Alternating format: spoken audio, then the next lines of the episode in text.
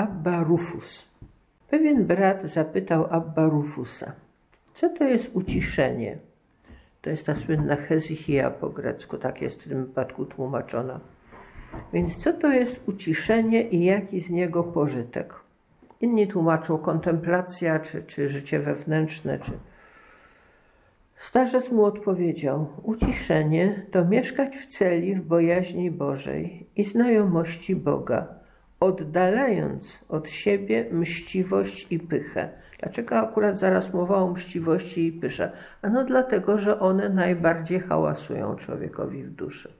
Jak człowiek się od tych rzeczy oddali, to naprawdę będzie miał dużą ciszę i pokój i będzie się mógł zająć tym, co ważniejsze. Takie uciszenie, matka wszystkich cnót, strzeże mnicha przed ognistymi strzałami wroga i nie pozwala, żeby one go zraniły. O tak, bracia, o takie się staraj, pamiętając o śmierci i że nie wiesz, o której godzinie złodziej przyjdzie. Tak więc czuwaj nad swoją duszą. Inaczej mówiąc, życie wewnętrzne jest po to, żebyśmy w swojej duszy dali mieszkania, a przynajmniej jakiś kąt Panu Bogu, żeby tam nie było tylko cały czas naszych odczuć, naszych własnych widzeń, sposobów myślenia, naszego własnego ja rozpanoszonego od brzega, od brzega do brzega. Wtedy człowiek i bliźnich lepiej zobaczy i swoją odpowiedzialność lepiej zobaczy i przyjmie. Właśnie to uciszenie, to rugowanie z siebie, a przynajmniej zgoda na to, żeby Bóg z nas rugował, wszelkie myśli nieprzyjazne, nieszczęśliwe także, bo ludzie lubią robić z siebie nieszczęśnika. I to też jest straszny hałas w duszy. Więc to wszystko starając się eliminować, zyskujemy pokój i zyskujemy oczy, które widzą. Drogę Bożą widzą, bliźnich dookoła siebie widzą i wreszcie ostateczny cel w niebie też widzą. Są jego świadomi i dlatego są czujni. Abba Rufus powiedział, że ten, kto trwa w posłuszeństwie wobec Ojca Duchowego, otrzymuje większą nagrodę niż taki, który mieszka na pustyni. O, to jest ciekawe, dlatego że święty Benedykt podejmie tę właśnie myśl, a wielu ojców pustyni uważało zupełnie inaczej. Abba Mojżesz na przykład twierdził, że człowiek, który mieszka z ludźmi jest jak zielone grono, winno, winogrono oczywiście, a człowiek, który mieszka sam jest jak grono dojrzałe. Tymczasem Abba Rufus twierdzi inaczej mm, i y, pokazuje to takim pięknym obrazem. Jeden z ojców, jak widziałem, mówi, opowiadał. Widziałem w niebie cztery chówce zbawionych. Chówiec pierwszy, człowiek chory, dziękujący Bogu. To u ojców pustyni jest jeden z e, rodzajów świętości. Chory, dziękujący Bogu.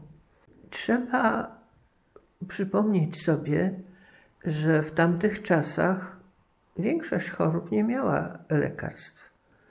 A już zwłaszcza trudno było o lekarstwa na pustyni. Człowiek, który się znalazł w chorobie, no współbracia pielęgnowali go, przynieśli mu jeść i pić, mo, czasem może jakichś ziół czy czegoś takiego, ale w zasadzie on czekał na to, co Bóg z nim zrobi. Wyzdrowieje czy nie wyzdrowieje.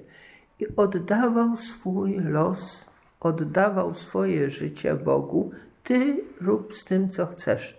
Ja jestem w Twoich rękach i jak zrobisz, tak będzie dobrze. Otóż to jest właśnie człowiek chory, dziękujący Bogu, e, który nie będzie wszystkich braci dookoła rozsyłał i albo i sam próbował kuśtykać na czterech łapach, prawda, bo przecież jest chory, ma gorączkę, ma, ma jakieś ciężkie schorzenie, inaczej by się nie kładł.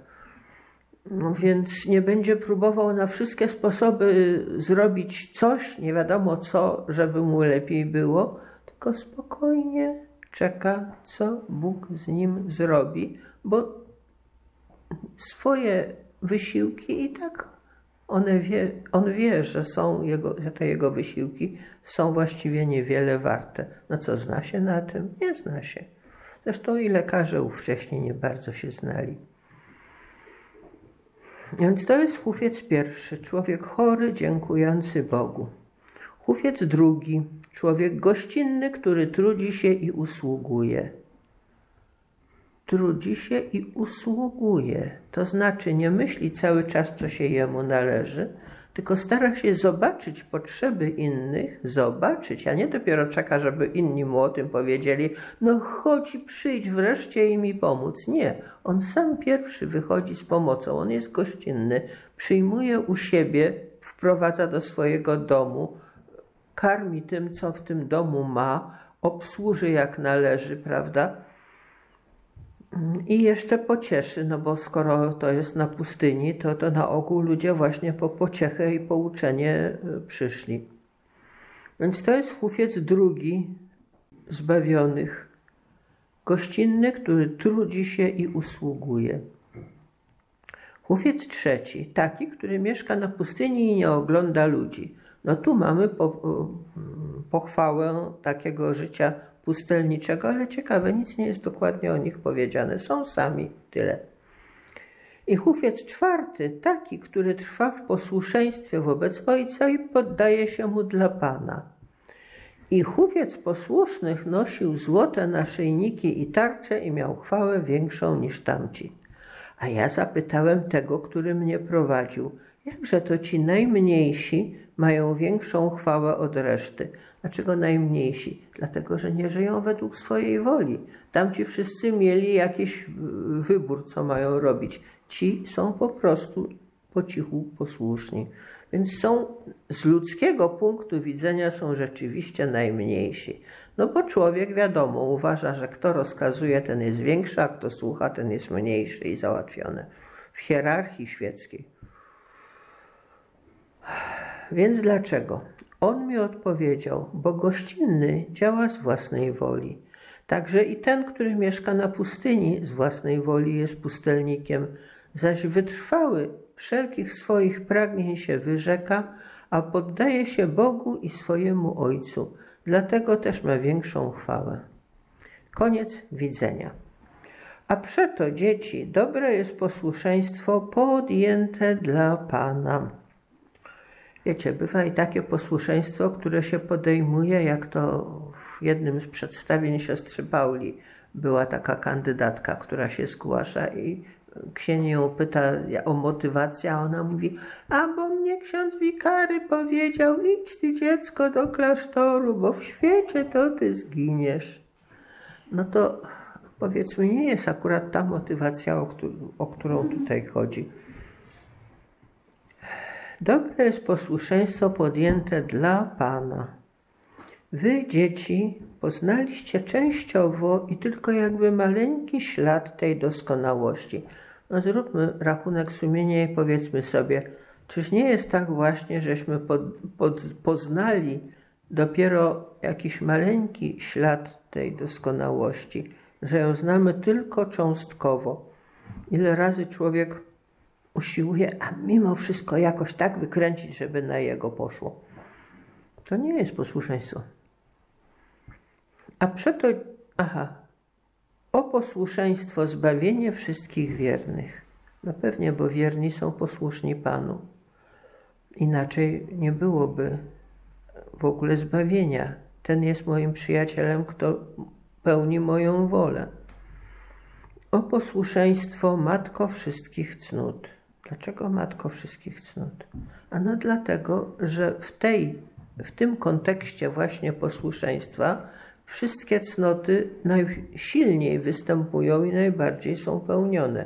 I cierpliwość, i miłość, i wszystkie inne też. O posłuszeństwo, które znajdujesz królestwo. O posłuszeństwo, które otwierasz niebo i ludzi z ziemi do niego prowadzisz o posłuszeństwo pokarmie wszystkich świętych, który oni ssali i dzięki niemu doszli do doskonałości, o posłuszeństwo mieszkające z aniołami. No niewątpliwie, kto jak kto, ale anieli są posłuszni. Daleko nam do tego, choćbyśmy się nie wiem jak starali, ale Bóg robi to właśnie, że te nasze kulawe cnoty, w tym i posłuszeństwo, te nasze kulawe wysiłki i marne próby, zalicza nam tak, jak aniołom zalicza ich naturalne posłuszeństwo. Dlaczego? Ze swojej łaski i ze swojej miłości do nas.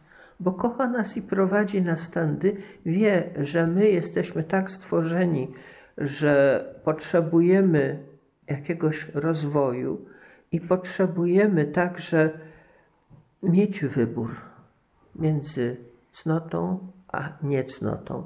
Mieć wybór między dobrem a złem, między posłuszeństwem a nieposłuszeństwem. Jeśli mamy wybór, to przy naszym cząstkowym tylko widzeniu jest w zasadzie nie, mało uchronne lub zgoła nieuchronne, że się nam czasem ten wybór nie uda.